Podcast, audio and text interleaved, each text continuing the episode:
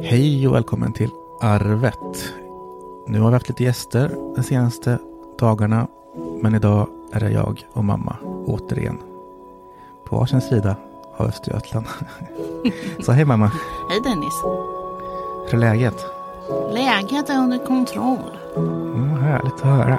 Ja, här Mm. ute i Hjärtorpsskogen. Är du pigg och fräsch? Precis varit ute med Harry. Ja, jag var och hämtade Harry i morse. Vi möttes vid Hällestad skolan när hon lämnade barnen så hämtade jag honom där då.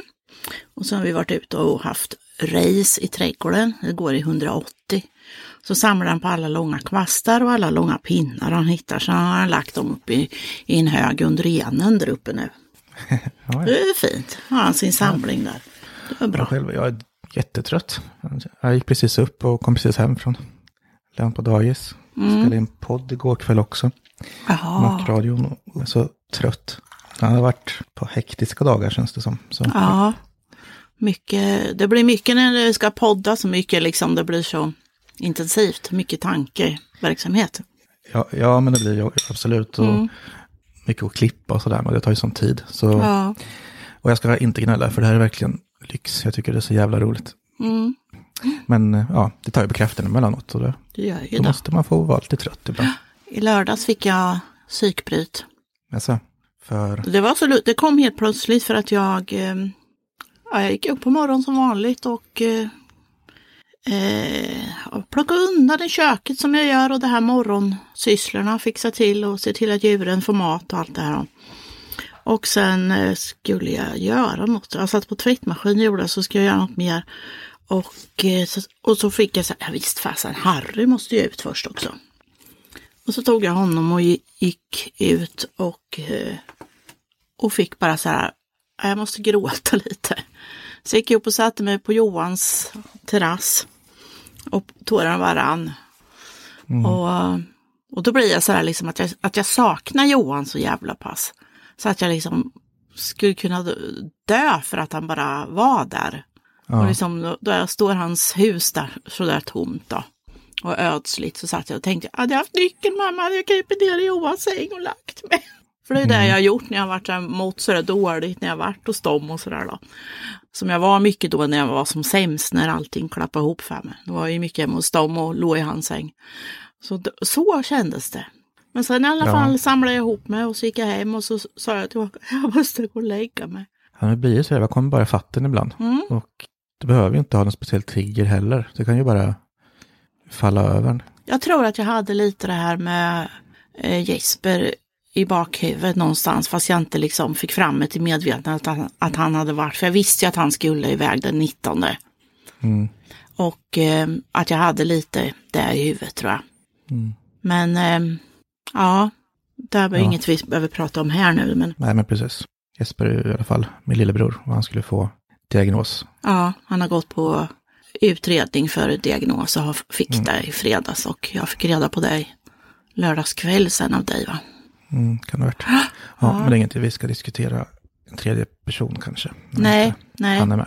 Jesper och jag har ju inte så bra kontakt då, så att, eh, men det, det är som det är. Det är hans val och det får jag acceptera. Så det är så. Mm. Han hör av sig den dagen han är redo. Men eh, det var nog lite lustigt och det var nog lite annat med. Eller det kanske det behöver inte vara någonting, jag var bara trött. Ja, jo, men det räcker att bara, det räcker att bara vara trött när man Ja. är liksom känslig sådär. Och Håkan skulle börja jobba i måndags och det var väl kanske lite inför det också, lite oro hur det skulle bli och, och så. Så att, mm, men jag fick sova två dagar i alla fall. Sen tycker jag det var lite bättre. Så i måndags var jag på massage och njöt en hel timma. Men bara klassisk massage, så mjuk, skön. Och så ringde jag till men- frissan och bokade tid också. Så nu, nu är jag på topp igen. Nu är det på topp igen, ja härligt. Men hur har det gått för Håkan att jobba nu då? Det har gått bra. Han jobbar ju två timmar per dag och på eftermiddagen då mellan ett och tre jobbar han. Första dagen var det bara rensa mejl och sånt där. Då. Vi har ramlat in några hundra då. Så nej, men det är lite sådär. Fixa små, inga stora saker ska han ju göra utan små saker, inga problemlösningar eller något som, det är ju det han har jobbat med förut och letat fel. Och, men det ska han inte göra utan han får stötta upp de andra istället i det de gör. Mm, just det. Ja, men det låter väl bra. Alltså det är bra att komma tillbaka så lite grann och bara känna att man gör någonting. Ja, och det är så himla bra företag han jobbar på. Alltså, de ställer ju upp till hundra. Så det är jättebra. Mm. Så det tror vi på att det ska gå bra fortsättningen med. Jättebra. Han har ju inte så långt kvar till pension heller. Så, att, Fyra månader. mm, så håller han ut där så är han ju jätteduktig. Så är han duktig. Ska vi parta sen? Ja, men det är lite sådär som, eh, som jag och Hank pratar om. Hank Monell som jag pratade om häromdagen. Att vi gled in lite på det där med manlighet och sådär. Mm. Jag tänkte vi kunde fortsätta prata lite om det. Ja, men jag tänkte att vi skulle gå in lite där. Ja. Men eh, vi touchar ämnet lite där, men ja, nu ska vi inte heller hänga ut någon eller prata om Håkan på något sånt vis.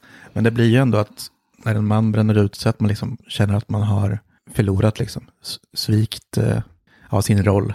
Ja. Och lite så här, han har ju ändå varit din stöttepelare också och eh, Ja. kanske känt att han har behövt vara stark liksom. Mm. När man inte pallar det längre, då blir det ju en jävla förlust. ja, det blir det ju.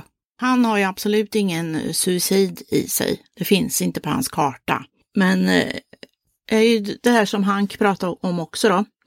Ja, Det här med känsliga män och det här. eh, Det blir så. Jag fastnar för det här med hans grupp. Mansgrupperna som du och han Mm. pratade om. Att eh, förr i tiden gick ju jägargänget ihop. De gick ut och sköt en mammut. Så till att det fanns kött och så till familjen och barnen. Och sen satte de och festa. Och då pratar de, fram på na- vargtimmarna så pratar ju de om sina personliga problem och sina bekymmer och där de rädslor och allting. Och det där tror inte jag riktigt finns idag. Nej, men det är väl det han ville komma till. Och eh, det får jag säga, när jag pratade om det så tänkte jag, vad, vad pratar han om nu?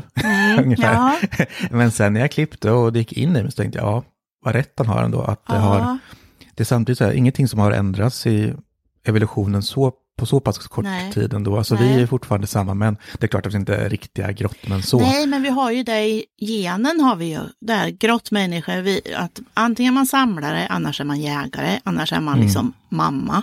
Där man liksom håller ihop flocken. Mm. Och det har vi ju kvar i oss. Ja, och samtidigt jag tänkte lite mer på det att den här forskningen om grottmännen, den är gjord i hyfsat modern tid. Mm. Med våra mått, med våra tankar. Ja. Så det som har spilt över på vad vi tror är grottmännen är ju självklart en speglad bild av oss.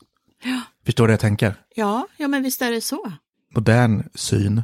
Och då har de självklart tagit in en psykologi och tankar som vi har i vårt moderna samhälle för att liksom spegla hur de funkade. Så där tänkte jag lite bara att även om det har ändrats mer så är det ingen som vet exakt hur det var då. Nej, nej, det kan man ju aldrig säga. Så jag tänker ju att skillnaden är ju mindre vad det kanske har varit i verkligheten.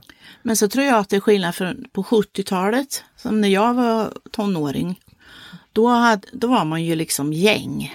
Mm. Det var ju liksom killar. Jag tror inte det är riktigt så idag. Och det är absolut inte när männen växer upp. När, de, när en kille träffar sin fru och gifter sig och skaffar barn, då tror jag jättemånga tappar sina kompisar. Och man umgås Mm, verkligen. liksom bara med familjen. För dels är det ju bara där man orkar när man har jobbat hela dagar och hela veckor. Att liksom, Mm. ja äntligen fredag, tack och med fru och barn liksom. Och det är ju där man vill. Men att jag tror att det är väldigt svårt att man tappar sina kompisar där. För jag tror man behöver ha det här. Och det hade man nog kanske på 70-talet också, 80-talet. Man hade mycket mera fester och man hade privata fester där man gick ihop. Och kanske satt kvar där i varje timmen och, och pratade. Och det kom fram lite mer det här hur man faktiskt mådde och så. Även killar då. Kanske mera i bastun och, och så här. Och det tror inte jag riktigt eh, finns idag, utan det, de grupper som finns idag, det är de här förlorade satarna som driver omkring och eldar bilar och bär sig åt. Det är de ungdomarna liksom idag. Och de, de har ju redan hamnat, fel. Det, är ju, det vet man ju inte hur det kommer gå för dem när de blir äldre. Men jag tror att de här, att vi har en bild av män som är mycket, mycket mera macho än vad som är bra för männen. Och samtidigt har det blivit så här någon blandning nu tror jag. Män ska fortfarande vara kvar där och vara macho och tuffa. Och. Förväntas det, ja, Mm. det förväntas de. Och sen i det moderna samhället så förväntas de också att visa känslor, Mm. typ bära smink och allt möjligt. Men eh, Mm. inget illa om några sidorna, men det blir liksom jag tror man hamnar lite däremellan och man vet inte riktigt ben man ska stå på. Man vill kanske, och sen faller man in automatiskt i den här rollen med att vara provider och vara den mannen liksom som... Ja, men jag tror att det här med roller också har blivit mycket mer att man ska spela en roll. Man ska Mm. vara liksom, nu kan inte jag allt det här, men man ska vara hipster eller man ska vara sån här Stureplans-snubbe eller man ska vara punkare eller got liksom va. Man, man har, det är så starka roller och man identifierar sig så starkt med den. Så den man verkligen är här inne i hjärtat, i själen, den tappas bort någonstans. Mm. Och det tror jag också med det här grupptrycket att göra, att man liksom inte... Det är ju jättesvårt att stå upp för den man verkligen är i en grupp där alla ska vara likadana. Och det, det är, jag tror det är mycket samhällets fel idag för alla barn, alla skolbarn, dagisbarn, de har sedan börjat på dagis för de är ett, ett och ett halvt år och integreras i samma form. De, pedagogiken ska vara så här och så här och så här. Så att det finns utrymme för individuella känslor liksom. Jag tycker också det ligger mycket i samhället, eller alltså, ja, i hela vårt samhälle, att vi är så här pass olika, vi, du och jag, kvinnor och män. Ja. Och eh, sen ska det bli så jävla jämställt i Sverige och de här länderna. Ja, Och det blir liksom, det blir en press. Jag tycker också det är svinbra att vi ska vara jämställda liksom. på arbetsplatsen. På arbetsplatsen ska vi vara jämställda. Mm. Men sen vet inte jag om vi behöver vara det. Hemma behöver vi väl inte vara det. Min man kan ju inte amma våra barn. Han kan inte föda våra barn. Så jag menar, det, det, på något sätt tycker jag att det har blivit så skevt. Och det blir så det blir så överdrivet på något sätt när, när sen man, människan ska hävda sig. Det blir liksom att vara transperson, att vara homosexuell. Det blir så jävla stort som att vad fan, jag skiter väl i vad folk klär på sig. Jag skiter väl i vad folk gör i sitt sovrum.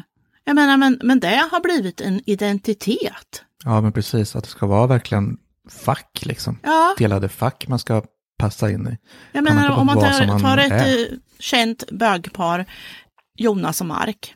De Mm. är ju fortfarande Jonas och Mark, två individuella människor. Fast att de råkar dela sovrum. Men det är, Mm. finns ju ingen av oss som har i deras sovrum att göra. Även de är ett sånt bra exempel tycker jag, för de eh, passar inte, man vet att de är bögar, liksom riktiga hårdbögar. Ja, men det är Men ingenting liksom- man gör någon notis om egentligen. Nej, precis, för de, alltså utåt är de ju bara, jag ser ju dem som vanliga män liksom som gör sina jobb och är duktiga på det och Ja, de är ju så visst. Bra, man bryr sig inte alls om vilket fack de är liksom. De är de. De är som du säger, de är liksom individer som man faktiskt tycker om båda två också. Det har ju ingen Ja. betydelse alls hur de är. Nej, men det lägger man ju inte in liksom eh, vad de är. Och då tänker jag så här transpersoner och så här som blir så hatade och blir så jagade och det blir homosexuella också. Misshandlade och allting. Jag menar vad för och vad folk med att göra vad deras sexuella läggning är eller deras hur de vill klä sig. Om du vill ha läppstift, ja men ha det då. Det kan ju jag som mamma tycka är konstigt om min son kommer i läppstift då, men någon annan har ju fan inte med det att göra. Nej, gud nej. Och, men liksom, det gäller ju att vi, att vi ska kunna se människan bakom, för bakom är vi ju ändå människor allihopa oavsett kön och oavsett läggning och, och det är väl där vi har tappat lite tror jag. Mm, det är det. Kvinnor ska bli macho, kvinnor ska bli chefer. Vi ska votera in, det ska vara lika många kvinnor som män i, i yrkesroller och det. det. Det är väl inte det det ska gå efter? Det handlar ju inte om, det ska ju handla om prestation. Och, eh, alltså, för det kan störa på, eller man läser det hela tiden, att Mm. någon artist rasar att det är för lite kvinnor på topplistan, vad den gäller, både böcker och musik. Ja, Jag menar, så det handlar ju inte om att det ska vara jämställt där. Eller självklart ska det vara Nej. jämställt i branschen, att de får lika mycket att göra. lön. Ja, så ska det ju vara. och, och så liksom. Men vad de presterar är det som visas på topplistorna. Ja. Det är inte så och där är det väl mer, mer jämställt så att det finns Mm. lika många män som kvinnor som är kreativa och eh, duktiga och jävligt bra liksom. Och där ser inte jag någon skillnad. Jag, jag lyssnar nästan, jag lyssnar nästan mer på eh, kvinnliga popartister för jag liksom gillar det mycket mer. Det har inte jag ens tänkt på vilket jag lyssnar på. Vilket jag, jag tycker en låt är bra och då Ja. spe, spelar det inte roll, roll för mig som är jättedålig på musik som inte alls har det som intresse. Vem Mm. som sjunger. Men, nej, men för min del är det så, jag lyssnar ju mycket på svensk pop, Ja. alltså ganska indie, som kanske inte alla lyssnar på. Och där är det ju, det är mycket depp, deppigt liksom. Mm, Och eh, tjejer skriver om sånt som jag mer identifierar mig med mm. än vad män gör. Det är fler kvinnliga författare än manliga författare. Men Ja. det är, fler musiker va, som är män. Ja, det är väl kanske i Om snittet man så. ser i procentuellt i stora hela kan jag tänka mig. Men jag tror att män har lättare att eh, uttrycka sig kort och koncist. Kvinnor de kan sitta där och älta och skriva en bok i veckor. Mm. Jag tror det. Det kan vara lite så. Men det, det är ju inget fel. Det är bara som vi är. Nej, men det är liksom individer, man ska väl göra det man är bäst på. Det, kön Ja. och allt annat ska inte spela någon roll. Vi, ska, vi kan inte liksom, vi har en topp 20-lista så kan vi inte säga att tio av dem ska vara kvinnliga och tio ska vara män. För Nej. det gör inte listan rättvis och Nej. kvaliteten kommer sänkas vilket håll Då den kommer går. ju och kvaliteten liksom, i andra. ja, och, Ja. och liksom, och det liksom sammanfattar ju allting, att varje person ska göra sitt bästa. Mm. Och eh, vi har olika kvaliteter, vare sig man är man eller kvinna eller mittemellan. Och eh, i slutändan så är vi ändå bara en person och Ja. längst in känner vi egentligen allihop likadant. Vi har alla våra Ja. fighter att ta, vi har alla den här osäkerheten. Mm. Våra strider och demoner. Ja, precis. Och vi, och vi tampas med dem på olika sätt. Ja. Men där kanske måste visas lite mer match och stänga in det mer. Medan kvinnor kanske har sina vänner Mm. att prata med. Och det delar oss också. Men då sitter ju det i en gen. Då sitter ju Ja. inte det i mitt kön. Då sitter ju det i min gen, att jag har det. Att jag är känsligare än vad min bror är då, som kanske har s- typ samma gener. Och det är ju egentligen den enda person jag kan jämföra mig med, så är det ju min familj. För vi har ju samma genuppbyggnad. Någon annan egentligen kan man ju inte jämföra sig med. Nej, nej, det sitter ju inte i kuken. Som jag brukar säga. Inte där i underlivet heller. I snippan. I moderlivet. Nej, men så där är det ju såklart. Och, menar, om vi skulle jämföra vi tre bröder, liksom, vi, då är, vi är ju precis lika känsliga gissningsvis för att vi eh, behandlar det på olika sätt. Ni visar det på väldigt olika sätt. Därför liksom, om jag är eh, känslopersonen som kanske, ja, vi ska gå så långt så att jag är mer kvinnlig då. ja. Medan min storebror då är mer mannen. Ja, men jag tror att jag tillbaka. Han har varit jägare. Du har varit samlare. Mm. Jag tror att det liksom eh, är i det. Ja, så jägarna är de manliga man, männen och samlarna. Ja, men, ja, men jag Ja. tror det. Att Ja, men de, de var lite lugnare, stillsammare. ja, men det är klart det var så. För jag menar, det var ju lika viktigt att få hem rötter och frön och, och växter att äta som kött. Mm. Så det. Alla Så det var ju ing, ingen som eh, var bättre för att de kom hem med kött än att de kom hem med rötter och nyttiga saker så. Läkemedel. Ja, men jägarna själva tyckte nog det. Precis som det är idag. Det är att idag. att Ja. ma- mansmannen är ändå lite mer nöjd med den. Det de lyckas bringa. Det kanske är så, mansmän som du säger, är det de som får fortplanta sig mer då? För att kvinnorna tycker att de är mera att satsa på i själva parningsakten, om vi tänker nu väldigt animaliskt. Ja, men det är ju så. Det sitter ju fortfarande med att liksom, Jag tror det. som man säger att kvinnor vill ha bad boys. Men samtidigt är de mansmännen som hävdar sig mest och syns mest. Mm. Så det är klart att de får fler chanser på krogen än den Ja. snälla killen som sitter och I pratar hörnet om... där ja. Mm, Och läser poesi. ja, men precis. Alltså klart det är en skillnad där med. Och Ja. det är inte så mycket som går in i det där ändå. Om man liksom verkligen tänker på det att det är samma människor som det var för 10 000 år sedan. Ja, för det finns ju kvinnor som hellre lyssnar på poesi än blir slagna. Ja, gud ja. Så att det, de där riktiga machomännen, de är ju inte så värdefulla heller. Och det är ju likadant som machokvinnor, kvinnor som är väldigt manliga. De är inte heller så att- attraktiva egentligen. Om vi nu ska gå in på sånt då. Men å andra sidan finns det ju, är nog alla människor attraktiv för någon. Ja, gud ja. Det finns ju alltid en koppling Ja. som går att finna. Det är väl så att liksom flickigt och, eh, ja men, Just det, det var det jag, det var, jag satt och tänkte på vad var det jag skulle säga. Det är någonting som man inte får ta bort heller. Sin könsidentitet f- på barn. nej. Att man liksom tvingar på pojkar dockor och tvingar på flickor bilar och rosa och blått och det här. Det tror jag är jätteviktigt att man får hitta sin egen.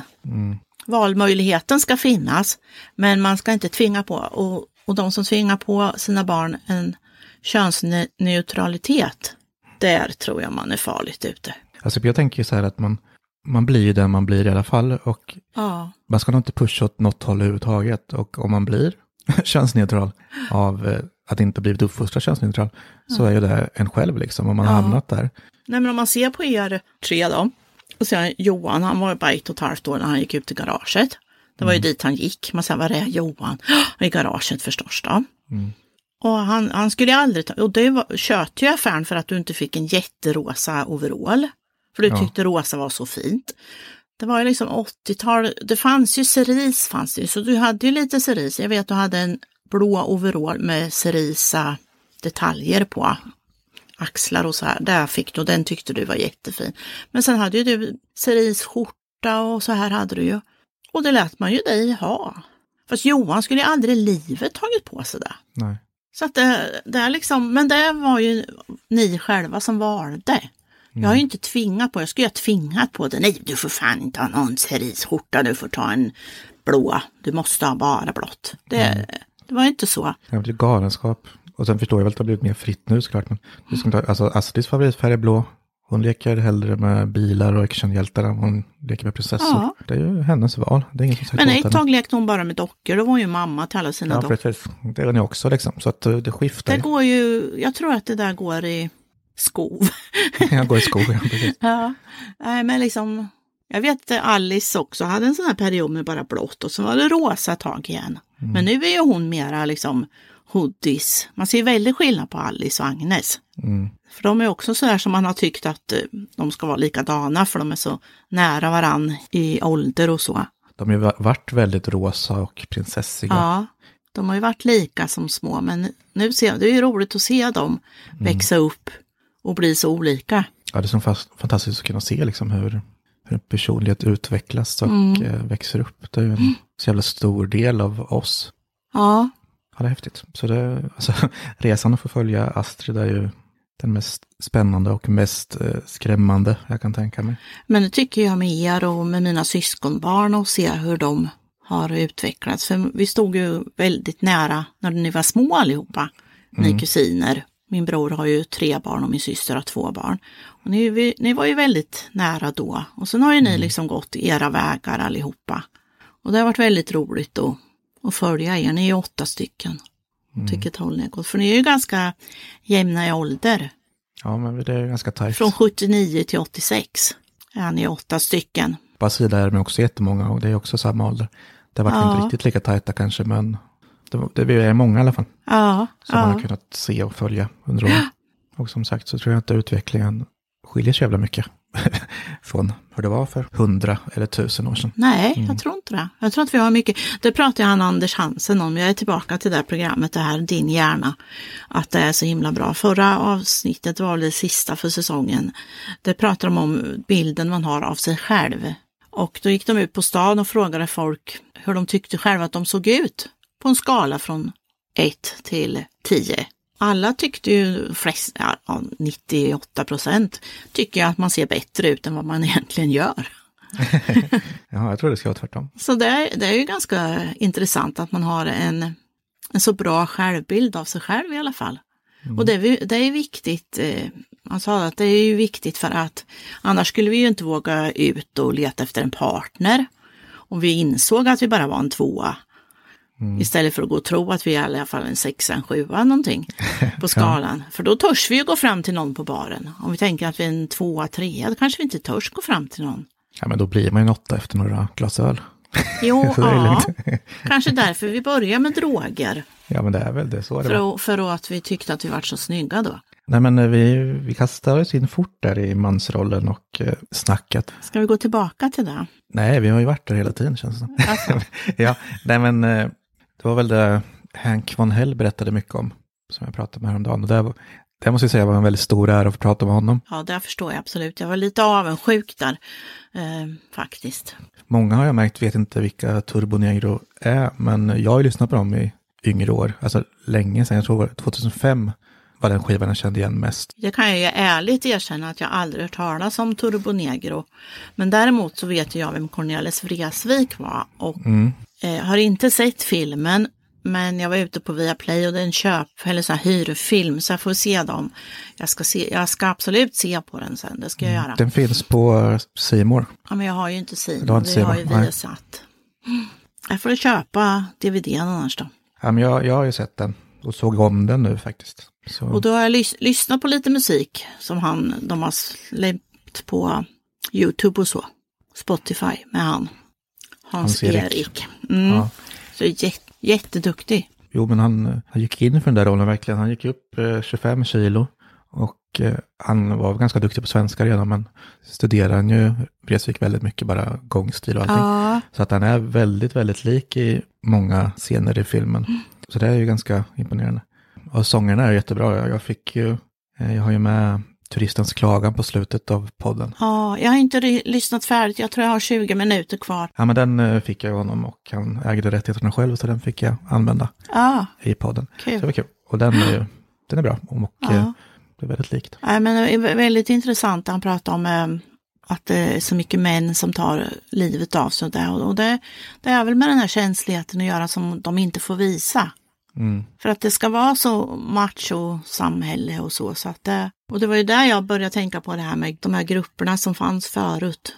De finns inte på det här sättet. Män inte har kompisar på det här sättet. Jag tror ni ju ta och starta en liten eh, killgrupp då kanske. Nu kan ni basta och... Ja, men det finns ju de här eh, herrgrupperna och sådär liksom. Och det är nog både, det finns nog två eh, kulturer där. Som ena sidan är det jättebra att man faktiskt hittar den här närheten och samma intressen. Det spelar ingen roll egentligen vad det är, om det nu är en, någon förening som flyger radiostyrda flygplan eller om det är en förening som liksom jagar eller röker cigarrer och dricker whisky. Nej, men det just att komma ingå i en gemenskap som inte har med sitt arbete att göra, Ja, ja, men det är nog väldigt tror viktigt. jag. Och där, där tappar man liksom i tonåringen, för det är som du säger, alltså, man festar mycket, man hittar mycket nya vänner man träffar och har liksom de fasta vännerna i tonåren och kanske 20 upp, ja det är 30 också då, men Mm. Sen även fast jag är jätte, jättetajt känner mig fortfarande typ med Torbjörn som jag har vuxit upp med och bott granne med och Ja. alltid varit närmst liksom. Han är ju lika nära fortfarande idag i hjärtat, men det, kan ju gå, det kan nästan gå ett år utan att vi pratar med varandra nu. Det är ju synd är det ju. Och det är ju skitsynd. Och jag, Ni och det- skulle ju egentligen liksom kunna ha var 14 dag bara ringa till varandra och bara prata Mm. lite. Ja, precis. Men det blir så här, så är man män och så har man aldrig haft det. Man har aldrig, vi har inte haft så i vår vänskap att vi ringt och bara Nej. snackat liksom. Vi har ju setts, eller så är det liksom, ja men alltså det, det faller ju ut. Och det blir det, Ja. det är det man råkar ut för när man kommer upp i åldern och får barn och allt så man tappar ju allt sånt där. För min del så är ja men, jag har ju släppt nästan alla mina vänner, jag har ju kvar dem på, på, på Facebook liksom. Mm. Och eh, visst gäller ju det liksom lite självvalt gissar jag att jag valde att flytta till Tjällmo och ville liksom ta det lugnt. Men det var lite, det varit många år där som var lite så intensiva.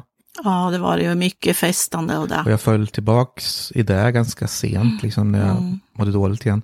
Och eh, sen jobbade jag väldigt eh, centralt och träffade fruktansvärt mycket människor. Väldigt bra människor med, som jag har kontakt med fortfarande, som sagt, som Jerry Prytz är utav. Men du jobbar ju mycket kvällar och sådär också Mm. då. Då tappar du väl en del. Jag tappade liksom suget på det, på att gå ut och träffa människor. Jag har aldrig tyckt om att träffa människor egentligen. Inte så, förutom liksom under fest och vänner. Men ja, men det, jag älskar ju det då när jag jobbar med det. Men det vart väl så här, sen vill jag bara känna mig som en gammal farbror som ville komma ut på landet och ta det lugnt. Mm. Här mycket handlar väl om att Alltså sommarstugan ligger ju precis här och inte för att jag bodde i någon storstad eller centralt men jag längtar ju hela tiden till sommarstugan. Jag vill ju bara vara där. Mm. Och sen när det dök, dök upp att jag kunde flytta till Tjällmo i en, i en fint radhus, liksom, klart, det här är ju liksom drömmen. Ja. Och nu, nu känns det som att jag är i stugan hela tiden, för jag, jag har ju knappt besökt sommarstugan sedan jag Nej. flyttade hit. Ja, det Så det är liksom så här, jag behövde bara komma ut och ta det lugnt. Och sen nu, nu kan jag verkligen sakna det lite sociala, speciellt nu när man inte får. ja. Och det är också dub, dubbelt, för jag känner så här, ja vad skönt att man inte får, för då behöver jag inte känna mig tvingad att jag missar någonting. Men Nej, samtidigt så här, precis.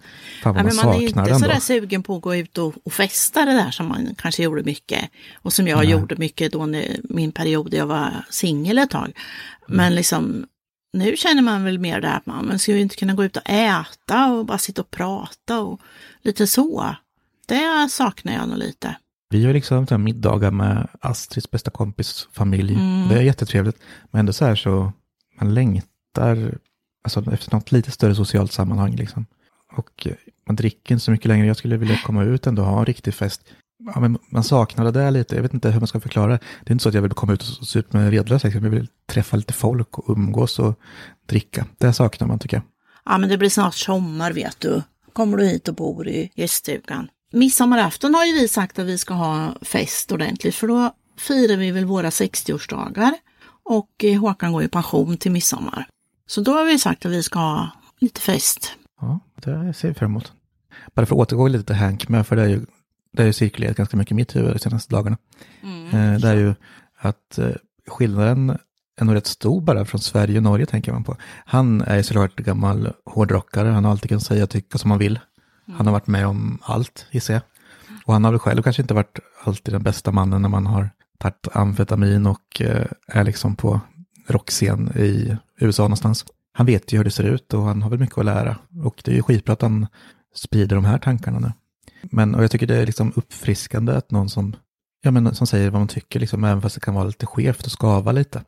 Ja, men bara, både manligt och kvinnligt ser ju antagligen han lite annorlunda på. Och jag vill inte sitta och vara någon PK-svensk liksom och rätta honom. Nej, nej. Och bara kring typ corona och sådär. Jag tror både Sverige och Norge agerar mycket annorlunda liksom. Och han känner ju väldigt, väldigt instängd där i Norge. Och det är mycket sånt, men i alla fall, jag tyckte det var ett väldigt kul och bra och intressant samtal. Sen sa, han kunde inte jag säga så mycket för han var ju väldigt pratglad. Ja, men det var väl liksom tanken att han skulle få berätta sin berättelse. Ja, men absolut. Och jag märkte det sen när jag klippte med att eh, klippte bort många av mina inlägg och vad jag sa också. Bara spara en del av dem, för jag tänkte att det är ju ändå hans historia som ska fram här. Ja, ja. Ja, men jag tycker det har varit bra, kul och fått ganska bra spridning också. Jag har inte hunnit kolla idag än hur många som har lyssnat. Det släpptes ju igår. Jag hoppas det blir många som lyssnar och vi får lite extra spridning så att några lyssnare stannar också. Det, han är ju i en, i en genre som vi kanske inte når, för det är inte alla hårdrockare eller som sitter och lyssnar på Arvet-podd. Nej, men gud nej. Men nu kanske de får upp ögonen för det här och eh, just det här samtalet ni hade om eh, självmord och allt det här och mäns eh, dåliga mående och Självmord och mens. pucko. Så jag inte peka på mina ord sådär. Jag sitter här och bara halvt tänker. Halvtänker, har du gjort något annat någon gång? Det är ju ett jätteviktigt ämne att eh, man vågar stå för den känsligheten och den rädslan man har inom sig. Törs söka hjälp när man behöver det, även om det bara är brorsan man pratar med så är väl det jätteviktigt. Ja, men jo, det är så viktigt också att han gör det också för en så, en så pass hård mansman liksom som står upp och vågar säga att man mår dåligt och i en sån, ja, i en sån, på en sån scen liksom där det ska vara grabbigt och det är hårda grabbar liksom i alla fall utåt. Det är jättebra att han kan ta- lyfta upp och faktiskt låta dem prata om det. Ja, jag tyckte det var så bra att han tog upp det här med Johan Rheborg som bara står och grillar. ja, precis. Det var ju, han visste inte själv där han var. Han visste inte vem man pratade med. nej, nej, precis. Tjällmos grillmästare. ja, jag tänkte nu kände sig Dennis lite träffad där. Mm. Ja, men som, bara en sån sak som att han råder ifrån att man ska söka hjälp i vissa fall. Mm. För man blir bara sedd som ett fall, ja. Men det är också så här lite liksom omkring honom när det är kanske beroende människor som, som han säger är en vårdtvist. Om de bör gräva det där och det kommer fram att man är narkoman och Mm. självmordsbenägen, är klart att man inte får behålla sina barn då. Så det blir så här extremfall givetvis, men Ja, och sen tror jag också att det är väldigt annorlunda i Norge, bara en sån sak med, med psykisk ohälsa så. Så man får ju väga in en del skillnader och inte bara ta, ta allting på orden han sa heller. För jag vet att det är redan några som har reagerat på att han kanske var lite för burdus och eh, gav kanske inte de bästa råden. Fast jag kan ju förstå hans tankesätt med det, att, att man eh, ska ju i en vårdnadstvist eh, dömer de ju oftast, om det är barnen har bott hos mamman och hon inte låter pappan träffa barnen, så dömer de ju ofta till att pappan då får vårdnaden. För man, när man har vårdnaden om barnen så är man skyldig att se till att den andra föräldern. Och gör man inte det så ligger man ju lite i underläge. Och är det så att man mår väldigt dåligt så ha, blir det ju fel. Mm. Man, man kan ju inte komma till vårdnadstvist och säga att jag vill ha vårdnaden av mina barn, men jag funderar på att ta livet av mig. Mm. Ja, men precis. Ja. Det är klart att du inte får vårdnaden om barnen då. Nej. Och sen är ju vårdnadstvist någonting som absolut inte ska behövas. För barn ska inte behöva välja. Man kan inte köpslå om barn. Nej. Ja, det vet man ju hur det har påverkat en själv, liksom bara. Även om det kanske inte i sitt eget val, så att ha den pressen och känslan över sig är ju nog det värsta ett barn kan gå igenom och behöva välja mellan mamma och pappa. Ja, då är det bättre att man själv mår dåligt som förälder. Mm. Och barnen får välja vad de vill. Mm. Mm. Men för att avsluta då kanske, men för att återgå till Hank, återigen, jag är fast vid den tanken. Han är så jävla rätt i en sak, eller i mycket, men en sak är att som hans, eh, engagemangen då väldigt står för, Out of Darkness. Att man kan inte bara sparka ifrån sig eh, mörkret och skita i det och försöka springa ifrån det. För det, det största när läkningen börjar är ju faktiskt att man faktiskt tar in det och förstår att så här är jag, det är min person. Man behöver inte se det som en sjukdom, man behöver inte se det som en diagnos. Svaghet. nej, även om det har hjälpt mig mycket, men då vet man vad man jobbar med, då vet man vad man behöver ta in och vad som är den här störningen och hur man är som person, bara att man hittar Mm. dit. För bara när man har erkänt det här för sig själv, att man har det här mörkret, det kanske alltid kommer vara här. Eller, eller det kommer antagligen alltid vara här. Får man ju lära sig leva med det istället för att försöka rymma ifrån det. Och eh, det växer man ju fruktansvärt mycket i. Ja, Och som vi också kom fram till, det är liksom så här, som, ja, precis som den här podden handlar om, att vi får prata om våra problem och sätta ord på det. Bara det leder till, ja, till att man blir lite klokare och det går upp för liksom hur man behöver handskas med det själv. Här pratar vi liksom för döva öron i stort sett, mellan dig och mig. Då, men Ja, vi får ju ändå ut de orden som behöver komma ut och eh, det hjälper oss på vägen. och vi hoppas att det hjälper någon annan med. Ska vi tacka för oss idag? Det tycker jag vi gör. Mm. Tack för idag. Det har varit ett långt avsnitt igen och eh, vi återkommer. Bra.